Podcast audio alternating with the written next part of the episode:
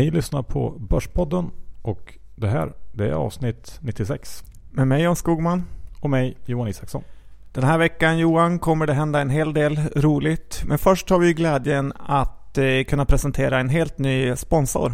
Precis John, helt ny och eh, riktigt, riktigt spännande tycker jag faktiskt. Ja, Tessin.se om man vill bli fastighetsmogul.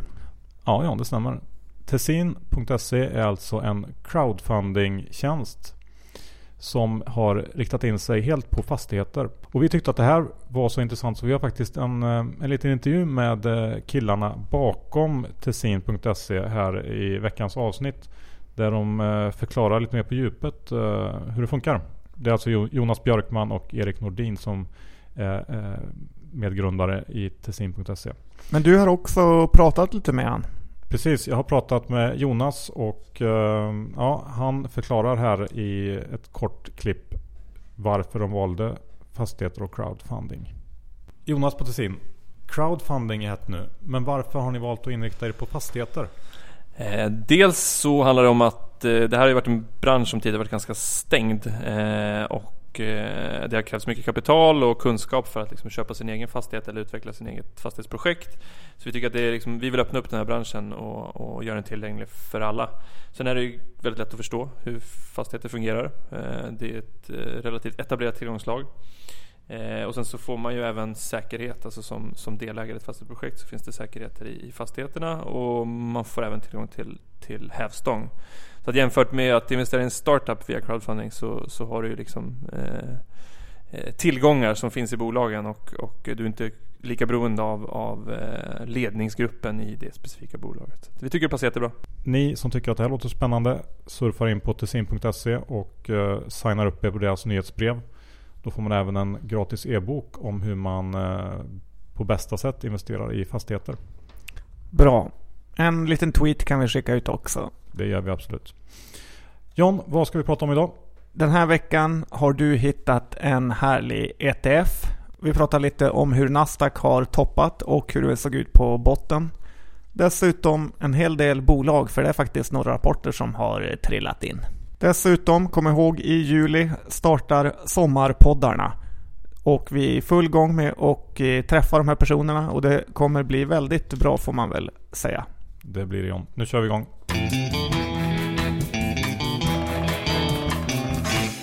Johan, Dr. Bass, Isaksson. Index är på 16-15 och det är en rejäl uppryckning från förra veckan. Tyska börsen har gått upp 5% eh, på två dagar. Och eh, det är lite ett steg fram, tre steg tillbaka för er blankare. Ja, det, det är ju en, en, tuff tillvaro man lever som eh, lite halvbäsad, eller helbäsad kanske man kan säga. Eh, men som du säger, vi fick en rejäl studs här eh, ifrån de lägsta nivåerna i torsdags. Och eh, tysken upp eh, ja, 6% kanske och OMX eh, 5, något sånt. Sen dess. Så en snabb studs uppåt. Och eh, det är ju Grekland som eh, styr agendan nu och precis innan vi gick in här och spelade in så kom det ju nyheter om att kreditgivarna inte hade accepterat grekernas sista förslag. Så den här soppan verkar inte vara över. Trots att det kanske kändes så för bara någon timme sedan. Ja, Rom revs inte på en dag som jag brukar säga. Nej, det var väldigt bra sagt John. Vad är det mer för tecken du ser där ute? Ja, vi pratade i förra veckan om den ofattbara noteringshåsen i Sverige. Och det är inte bara i Sverige som det är bra tryck på noteringarna. Även i USA så flödar det in nya bolag. Och jag läste faktiskt en liten intressant siffra kring eh, huruvida bolagen som kommer in på börsen i USA är lönsamma eller inte. Det är faktiskt så att 78% av noteringarna på slutet där är bolag som inte tjänar några pengar. Och Många går ju runt och pratar om att vi inte har någon eh, techbubbla nu och att det var mycket värre på IT-håsens glada dagar kring 2000-talet. 2000-talets början ska man säga kanske. Men tittar man där på toppen 2000 så var det faktiskt bara 76% av bolagen som noterades som inte tjänar pengar. Så att det är alltså värre nu. Låter något som precis för dig Johan. Och även bolag som tjänar pengar kan gå dåligt. Så är det. Eh, du har hittat en ETF med som jag nämnde i inledningen och eh, den är ganska intressant och vilken påverkan den har på börsen i stort. Ja, eller jag tänkte faktiskt att det är ju egentligen västkusttraden som eh, fick mig att titta, eller titta på den här. Han tipsar ju om en ETF som heter HACK, kortnamnet HACK, H-A-C-K i nyårsavsnittet där han var med. Eh, och det är en ETF som inriktar sig på cyber security som det så fint heter, vilket har blivit superhett Eh, den sista tiden efter diverse eh, säkerhetsintrång och kontantkortsuppgifter som eh, stjäls och så vidare och så vidare. Så det här är någonting som har ökat i intresse och eh, den här ETFen har gått upp nästan 30% i år. Så vi får tacka eh, Västkusttrainen där för ett fint tips även fast vi inte köpte något. Men det finns ju en skoj eh, story om den här också bakom. The story behind the story. Ja exakt. Den här ETFen startades i november eh, förra året. Så den är bara 7-8 månader gammal.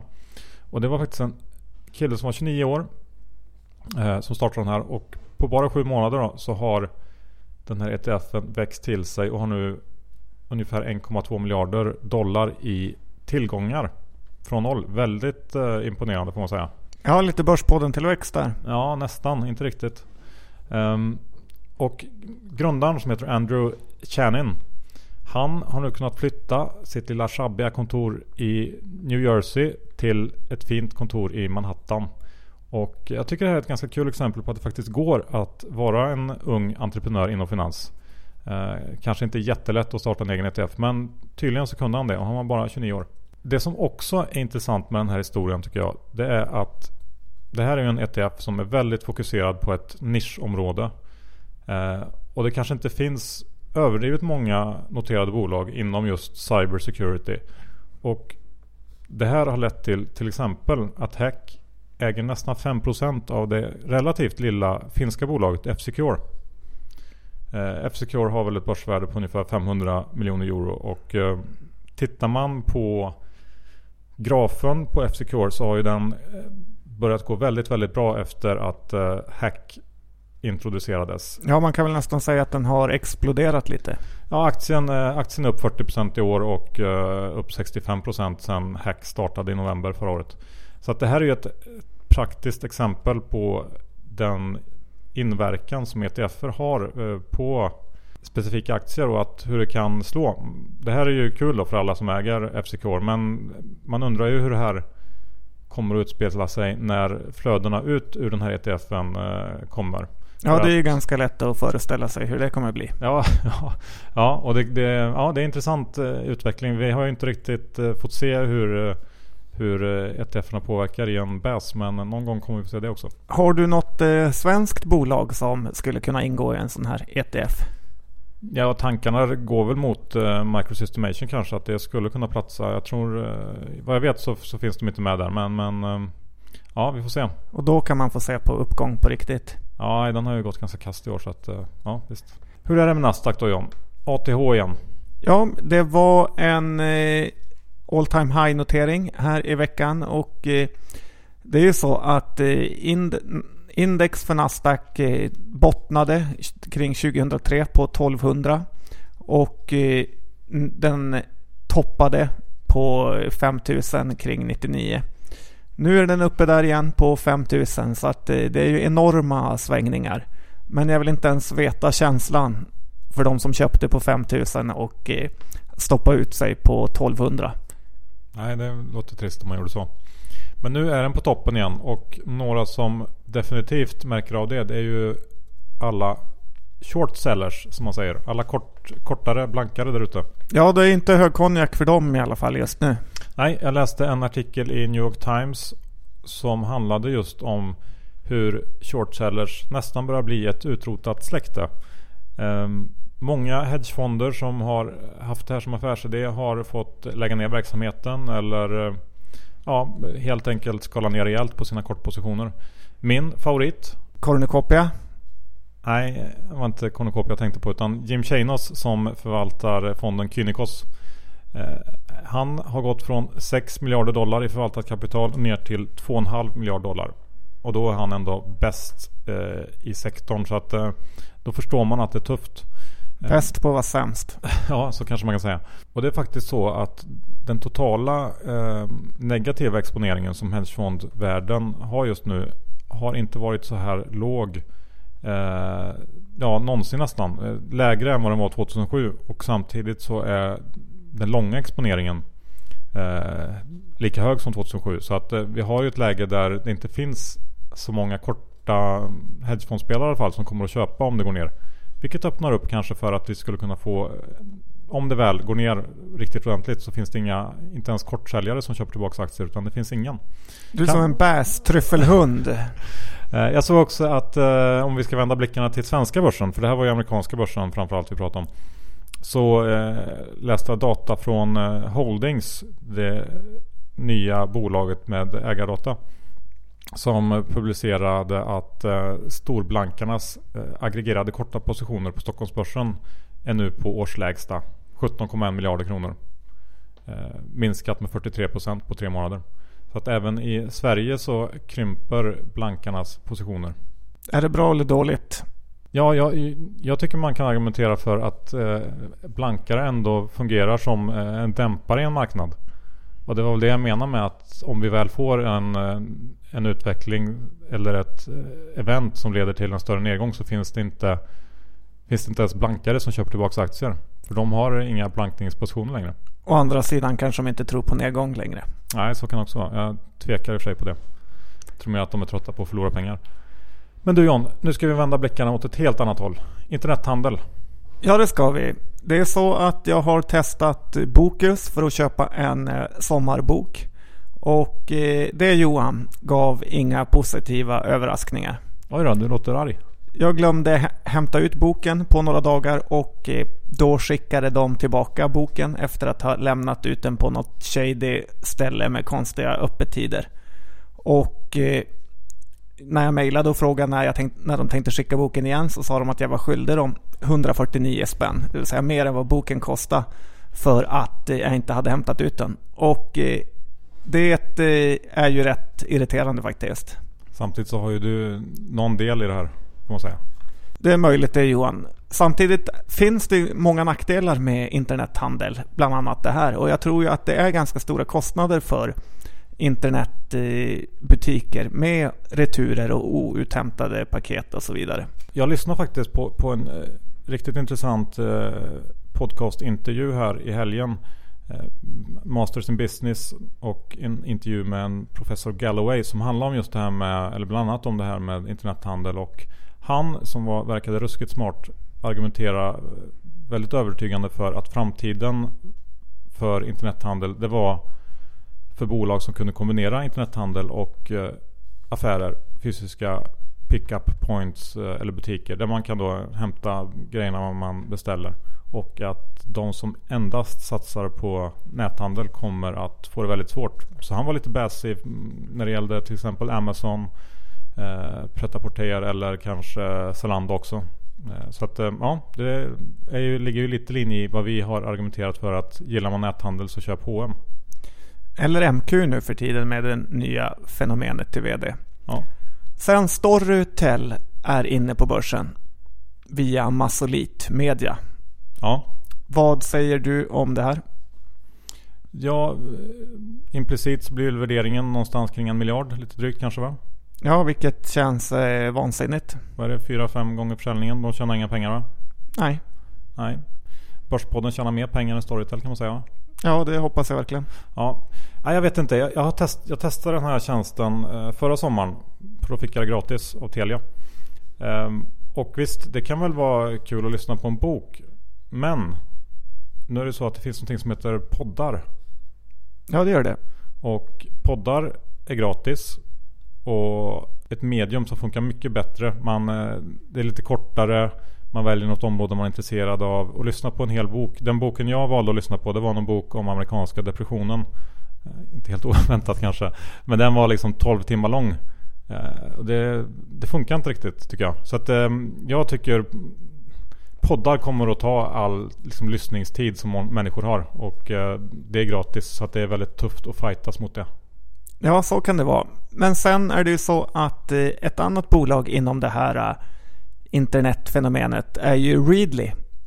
Ja, just det. De som uh, håller på med tidskrifter och så. Ja, det, man kan säga att det är Spotify för tidskrifter. Alla världens tidskrifter finns i Readly och uh, Om du abonnerar på det här så får du tillgång till dem. Lite som Spotify som sagt. Ja okej, okay. och har du något mer kul att berätta om det här bolaget då? Det var ju stämma här i veckan och det enda roliga som hände där var väl att eh, Johan Kviberg kom två timmar sent och eh, missade hela faderullen. Okej, okay. ja det verkar inte så hett då med andra ord. Men något som är hett Johan, det är ju Sevian. Men inte Sevianmannen utan hans pappa. Ja, jag tror jag missförstått. Gardell är inte pappa till Sevianmannen John. Nej. Ja men Gardell är ju het i alla fall. Ja det är han.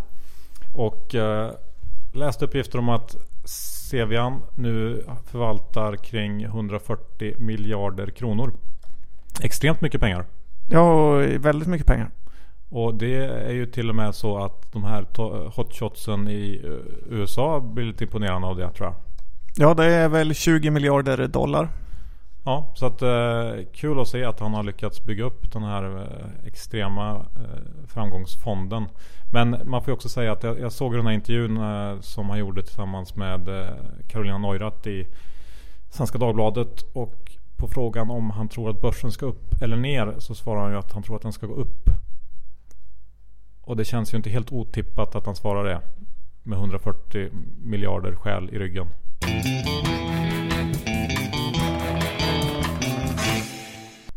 Ska vi börja med eh, Skistar-rapporten John som du hade en liten spekulativ post i inför. Ja, det här är andra kvartalet i rad. Jag kör en spekpost i Skistar. Då jag tror på bolaget och även tycker att det känns eh, hett. Rapporten var väldigt, väldigt bra. Men den gick inte alls upp så mycket som eh, jag hade hoppats på eller som analytikerna trodde. Många firmor på Stan rekommenderar ju att man ska sälja den här aktien nu då den historiskt eh, sett är ganska trist på sommaren. Det kanske är rätt. Jag håller ett öga på den även om jag inte har något innehav nu. Men som en eh, aktie i långportföljen är den ju fantastisk. Så är det ju. Um, ehm, en annan aktie som är kokhet just nu är ju Fingerprint. Ja, det är en av de galnaste aktierna som finns där ute. Helt otroligt vilka svängningar den har. Det är 10 är ju dagliga rörelser i den här nu för tiden. Det är 7000 ägare hos Avanza i Fingerprint och eh, det vore ju nästan kul för all börshandel om det kom ett bud på hela faderullan. Så de här fanatikerna fick investera i något annat. Ehm, vi får eh, följa upp här och ta kanske en lite närmare titt på Fingerprint eh, framöver när vi har lite tid. Kanske någonting att pyssla med i sommar, vi får se. Ja, men folk måste ha tjänat kopiösa mängder eh, pengar på den här uppgången. Ja, aldrig fel att ta hem lite. Ehm, en rapport som inte alls var lika bra som Skistars, det var ju Kappahls. Riktigt dålig. Ja, det var en genuint usel rapport och det var för kallt i maj tydligen. Man hade inte sålt några shorts. Eh, det här känns som ett dåligt eh, bolag rakt igenom. De lyckas egentligen med ingenting, aldrig. Och jag ser att vissa analytiker skriver att det är P11 på det här bolaget nästa år. De prognoserna känns ju nästan omöjliga att hålla, tror jag. Och eh, de tjänar inte mer än 1,50 förra året. Så att nej, det här är inget bolag för mig. Vill man in i den här branschen så känns ju MQ mycket, mycket bättre och eh, även H&M. Ja, men jag håller med. Jag tror också konsensus ligger för högt i Kappahl eh, framöver här. Så att eh, avvakta eller stå utanför den. Sen har vi ett nytt svenskköp i Holland.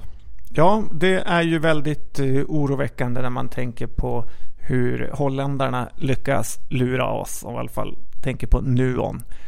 Eh, Sensus köper Gatso. Det är en spännande affär men man får tänka på att det kommer komma ut massor med nya aktier via det här förvärvet.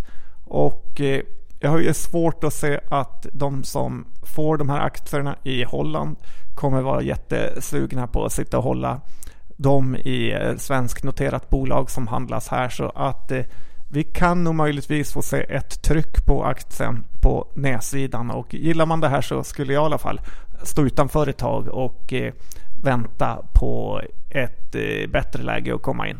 Ja. Ett bättre läge att komma in på. Det vill eh, tydligen investerarna som funderade på Ciberos nyemission också. Ja, det här måste vi ju nämna något om Johan. Det har ju varit eh, ett eh, katastrof nyemissionsförsök av Cibero. Hur man som rådgivare kan trasa sönder ett bolag eh, så här är ju nästan ofattbart. Som aktieägare, som jag lyckligtvis inte är, så skulle jag ju vara tokig. Bakgrunden är ju att de skickar ut ett meddelande om att man ska göra en riktad nyemission. På grund av slarv då så missar man att closea dealen innan börsöppning på dagen efter. Trots att eh, vad jag förstod det så i princip allt var klart. Aktien hamnar någon typ i snedspinn rakt neråt och eh, jag vet inte hur man ska kunna lösa det här. Antingen genom en ny riktad och då kommer ju kursen vara ännu lägre eller en företrädare och eh, det brukar ju vanligtvis vara väldigt dåligt för aktiekursutvecklingen.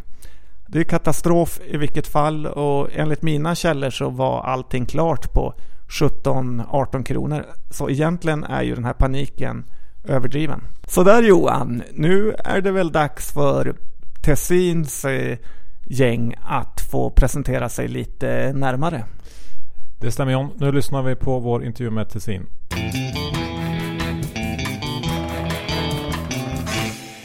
Idag är vi på plats hos Tessin.se med Jonas och Erik som har grundat bolaget.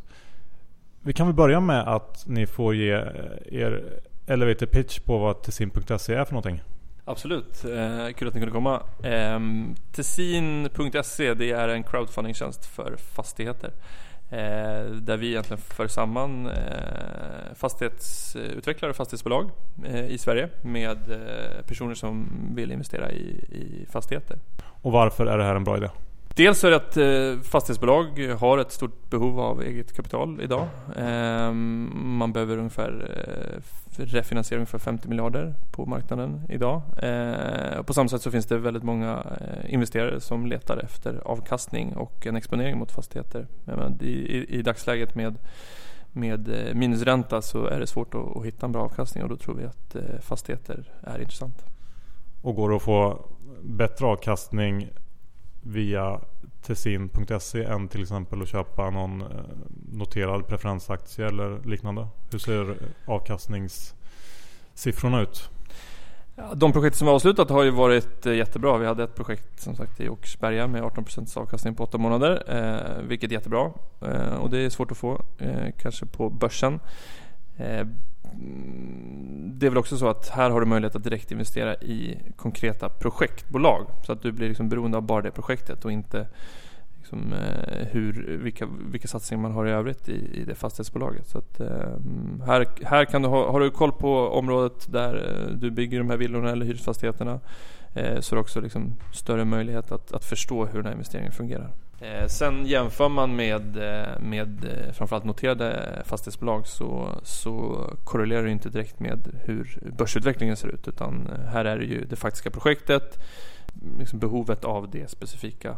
Liksom om det är industrifastigheter, behovet i just den regionen, om det är hyresfastigheter, hur, hur vakansgraderna ser ut eller om det är eh, villautvecklingsprojekt. Då är det också hur bostadsmarknaden ser ut i det specifika området. Så det, du korrelerar inte alls med, med börsen på samma sätt. Vad fick er att börja med det här då? Eh, egentligen så började det med att eh, både jag och Erik eh, hade jobbat mycket med kapitalanskaffning. Eh, vi stötte på varandra i lite projekt som rörde fastigheter. Eh, och tänkte att eh, det måste finnas något bättre sätt att göra det här på än fastighetsfonder som tar väldigt bra betalt. andra typer av strukturer där det rinner av väldigt mycket pengar längs med vägen. Och eh, då landade vi i en crowdfunding-modell som eh, vi sen har sett eh, har varit väldigt populär i bland annat USA tidigare. Okej, okay, och hur länge har ni varit igång? Startade i för ett år sedan ungefär. Men, men hur fungerar det här då? Vilka är det som kommer med de här projekten till er? Eh, det är i dagsläget svenska fastighetsutvecklare och fastighetsbolag som har behov av eget kapital på något sätt. Eh, så inför ett förvärv, om man är ett fastighetsbolag, så kanske man behöver stärka upp eh, eget kapitaldelen. Det kan även vara fastighetsutvecklare som har ett projekt nybyggnation av villor, av hyresfastigheter. Och ja, men där man behöver stärka upp den egna insatsen helt enkelt. Kan ni berätta om något roligt projekt ni varit med i? Eh, absolut. Eh, vi har bland annat haft en vindtunnel. Eh, det är ett väldigt roligt projekt kan man säga. Eh, det är Sveriges första eh, vindtunnel för inomhusflygning ute i Bromma i Stockholm. Eh, så där man, blir man, kunde man bli långsiktig delägare i projektet. Eh, sen har vi ett eh, villautvecklingsprojekt i Åkersberga som precis eh, är avslutat och återbetalt. Eh, så där hade vi en, en avkastning på 18% över åtta månader. Så att det är liksom 27% ungefär på årlig avkastning. Så det var jättekul och visar verkligen att modellen funkar. Har ni några nya roliga projekt som man kan eh, gå in och kika på? Alltså kanske inte lika roliga som vindtunneln. Eh, det var ju ganska eh, speciellt.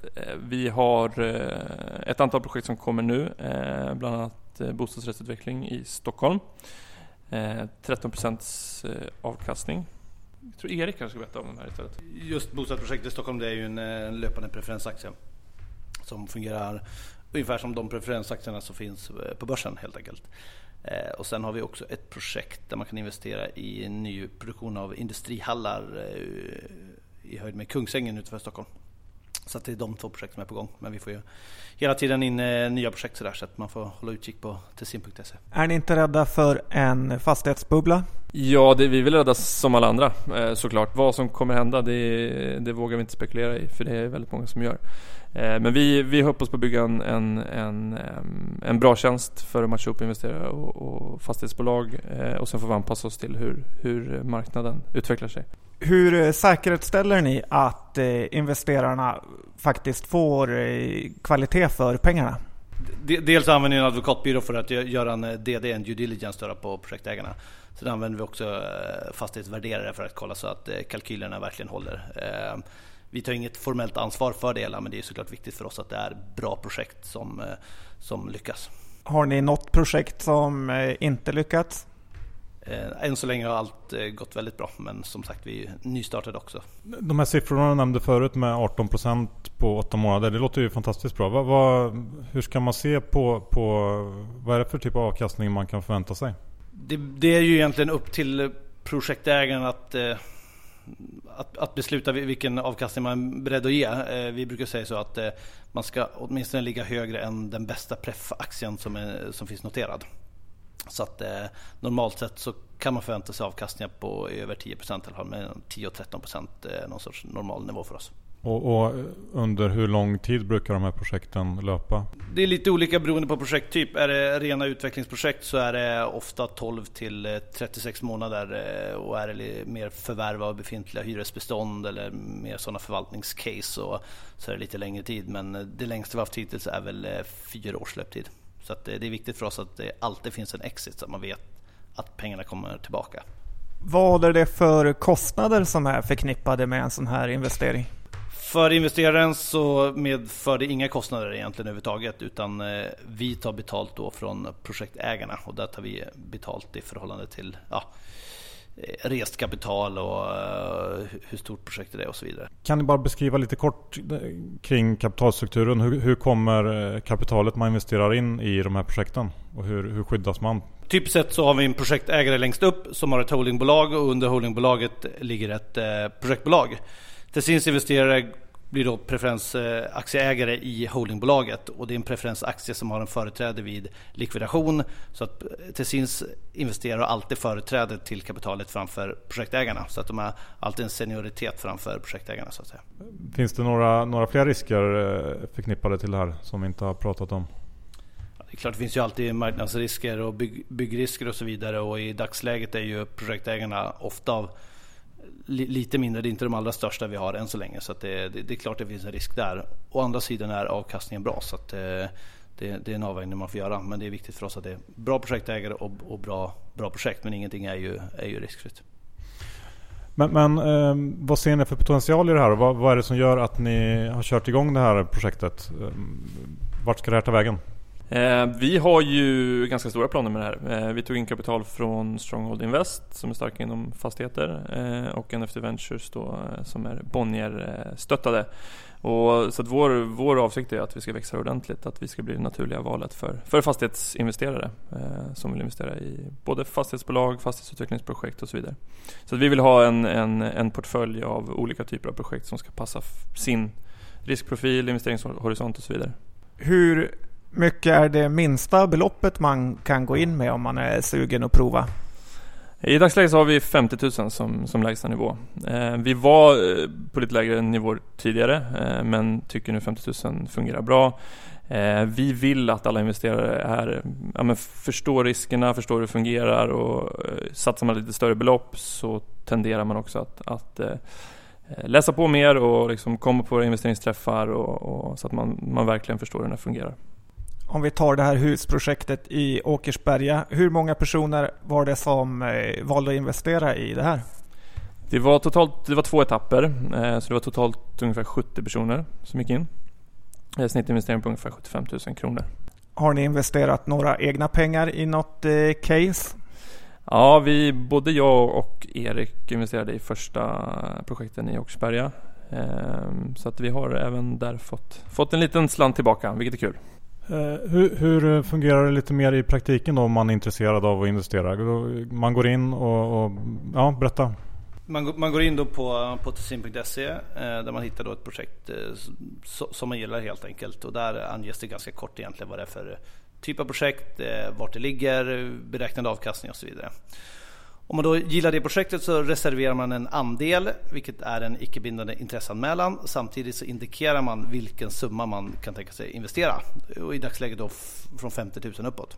Därefter kommer projektägaren att ta den här listan och skicka ut ett skarpt investeringserbjudande till alla som har anmält intresse.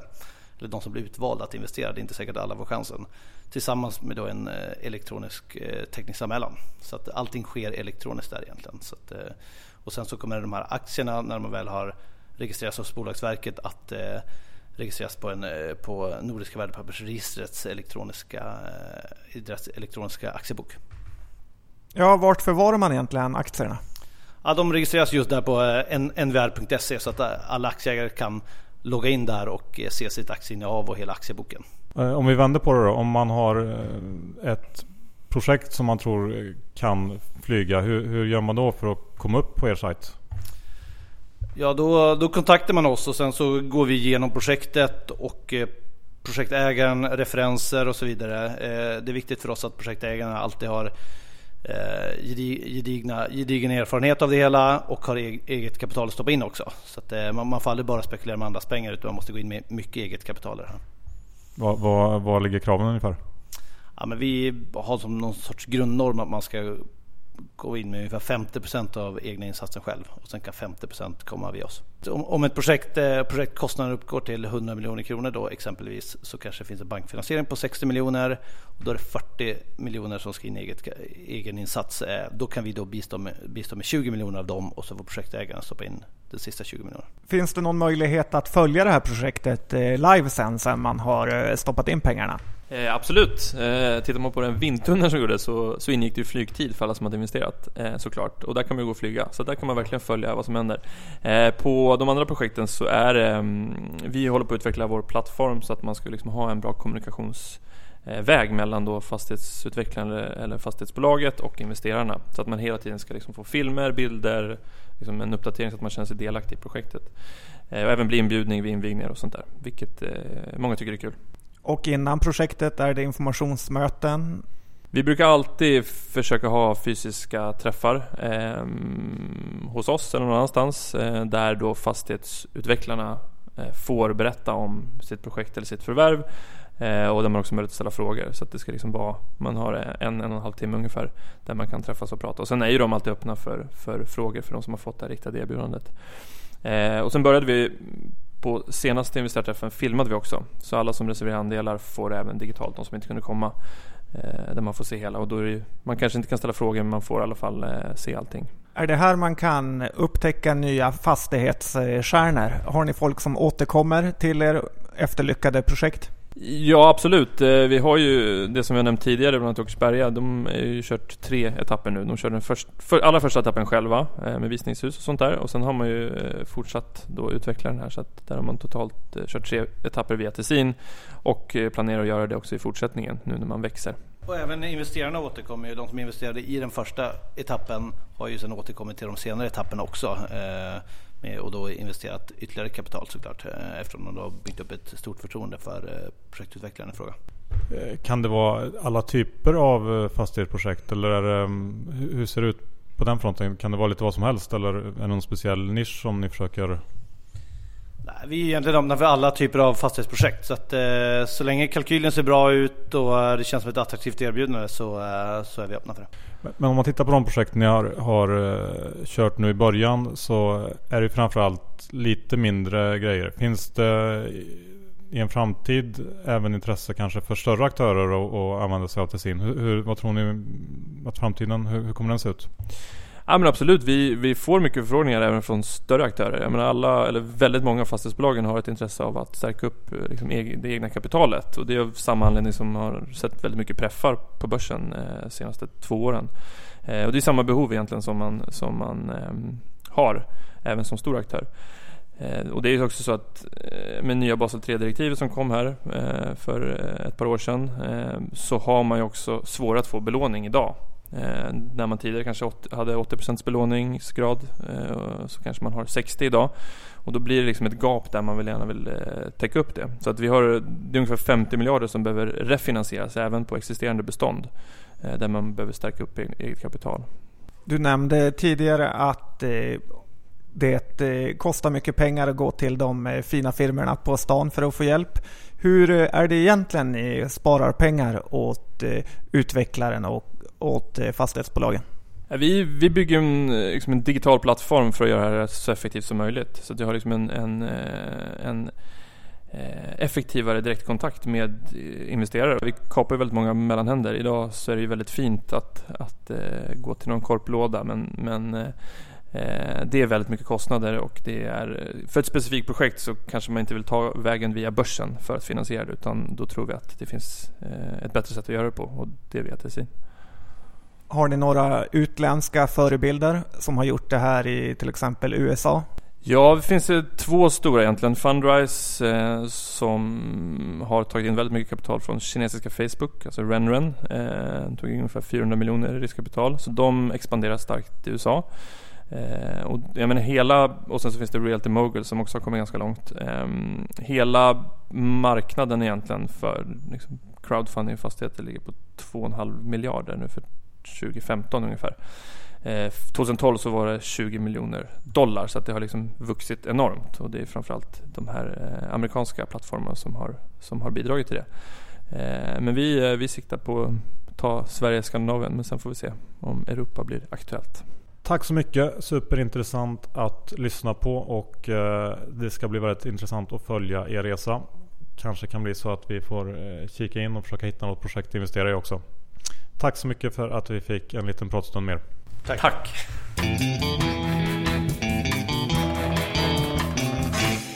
Sådär.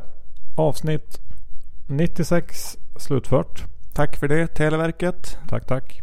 Och eh, tack till sin intressant tjänst de har skapat där. Eh, gå in och kika på tessin.se. Eh, kanske ni kan hitta någon intressant investering och om inte så signa upp er på nyhetsbrevet så får ni mail om när det dyker upp nya. Och som vanligt här på slutet så kommer ju vår disclaimer. Jag, Johan Isaksson, äger inte en enda aktie i någon av de bolagen vi pratar om. Ännu en vecka blank Johan. Jag har heller inga aktier i de här bolagen vi pratar om idag. Inga blankningar heller för den delen. Annars har vi gått över 10 000 Twitter Twitter-followers. Det har vi. Det är stort. Ja. Vi har Facebook. Ja. Och vi har Gmail. Ja. Och vi svarar på allt. Typ. Give or take.